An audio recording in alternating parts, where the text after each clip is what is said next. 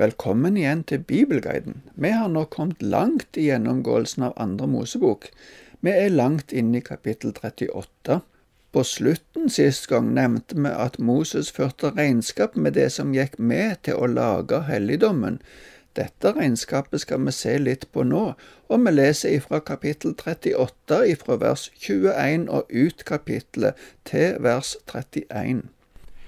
Dette er regnskapet for boligen, vitnesbyrdets bolig. Moses påla levitene å sette boligen opp under ledelse av Itamar, sønn av presten Aron.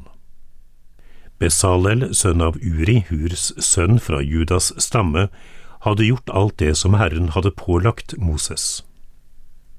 Sammen med ham var Oholiab, sønn av Haisamak fra Dans stamme, som var dyktig i all slags håndverk og kunstnerisk arbeid, og til å veve i farget garn og fint lin, i purpurblått, purpurrødt og karmosinrødt.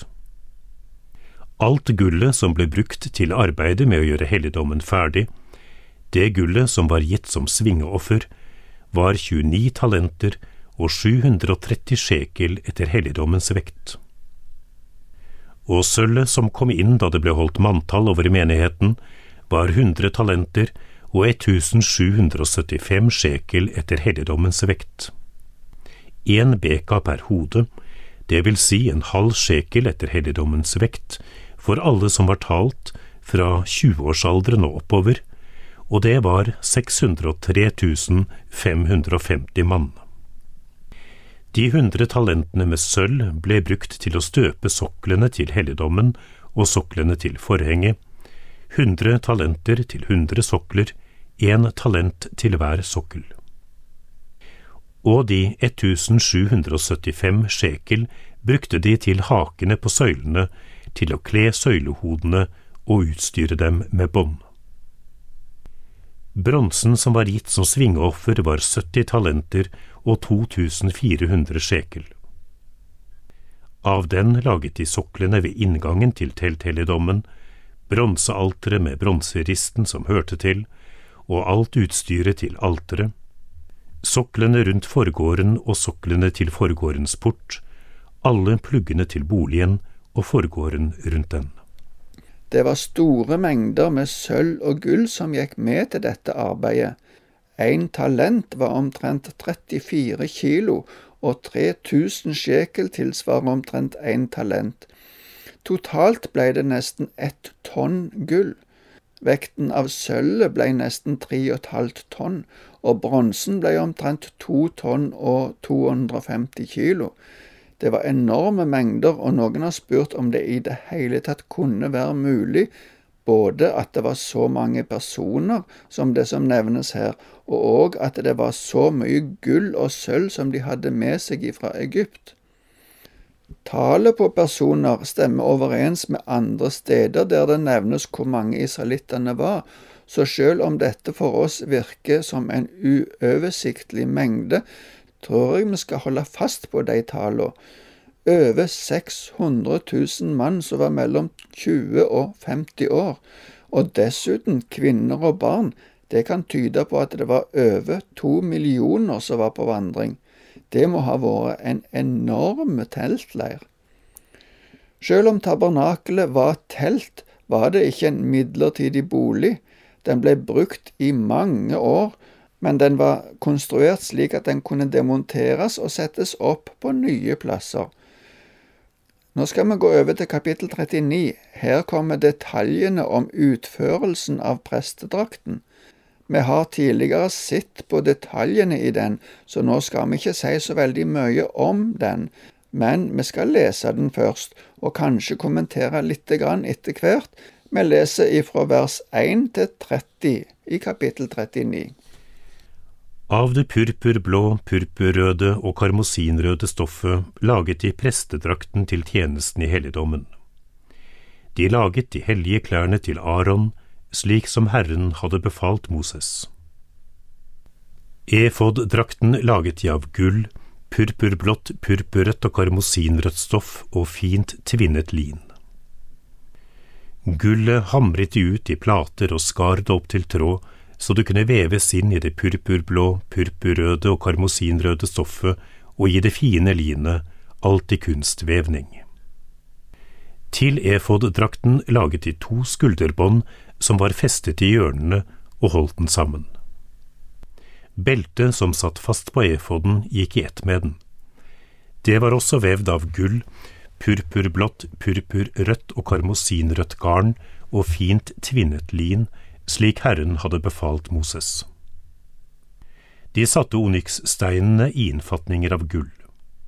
På steinene var navnene til Israels sønner gravert inn som i et signet. De satte dem på skulderbåndene på efoden. De skulle minne om Israels sønner slik Herren hadde befalt Moses. De laget bryststykket i kunstvevning slik som efoddrakten. Det var av gull, purpurblått, purpurrødt og karmosinrødt stoff og fint tvinnet lin.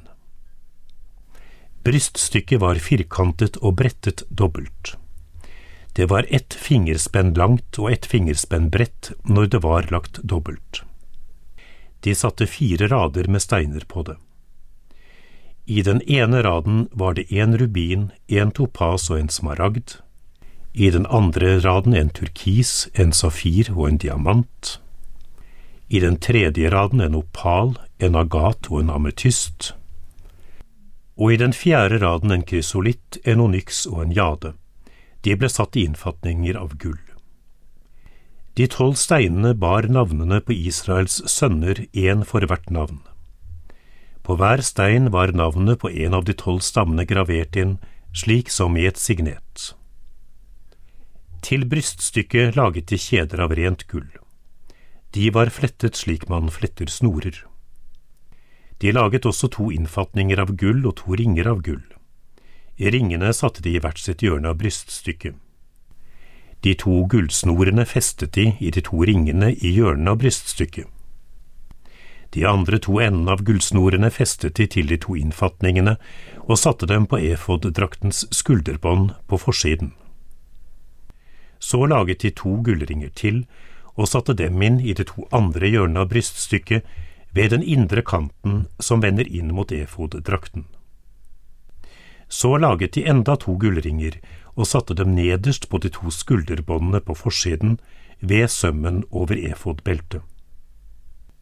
Ringene på bryststykket bandt de til ringene på efoddrakten med en purpurblå snor, slik at bryststykket ble sittende over beltet og ikke kunne løsne fra drakten, slik Herren hadde befalt Moses. Kappen som hører til efoddrakten, var vevd i ensfarget purpurblått stoff.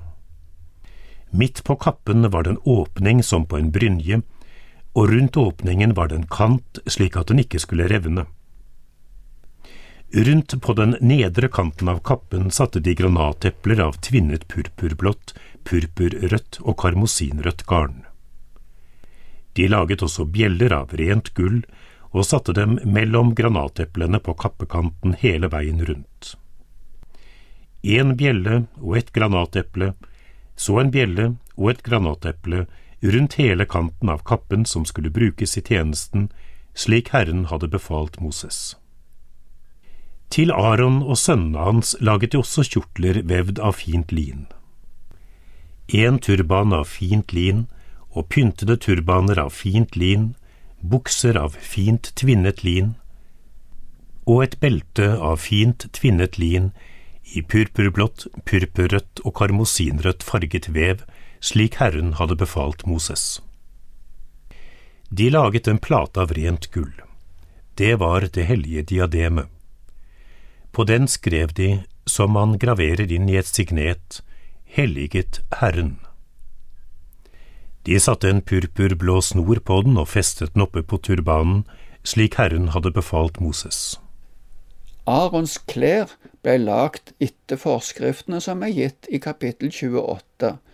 Vi går ikke inn på disse detaljene på nytt, men ser at de ble lagt slik som Gud ville.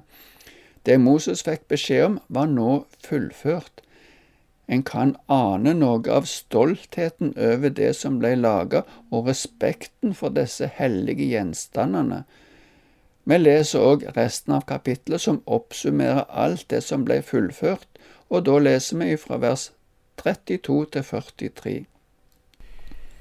Slik ble alt arbeidet på boligen til teledommen fullført.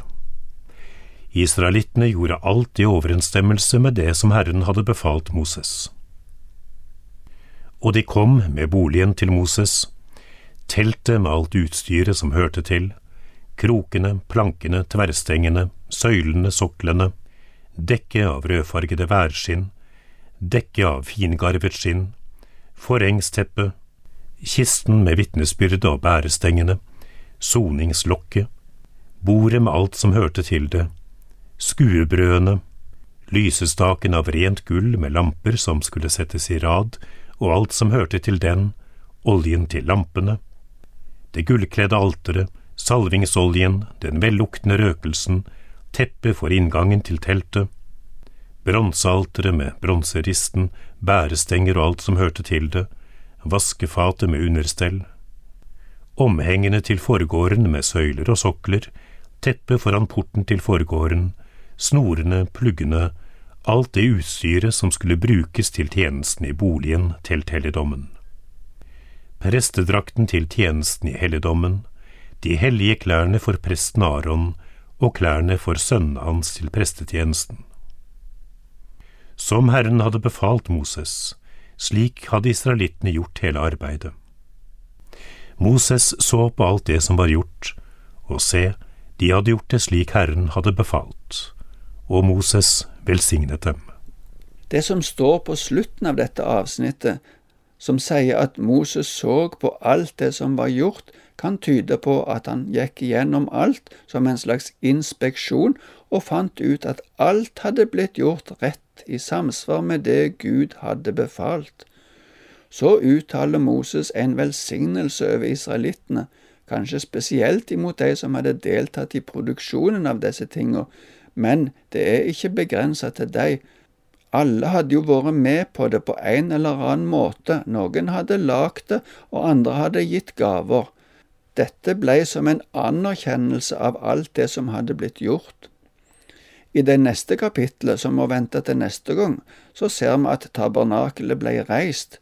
Foreløpig ser jeg for meg at det lå i store stabler, klar til å sette opp. Takk for nå og Herren være med deg.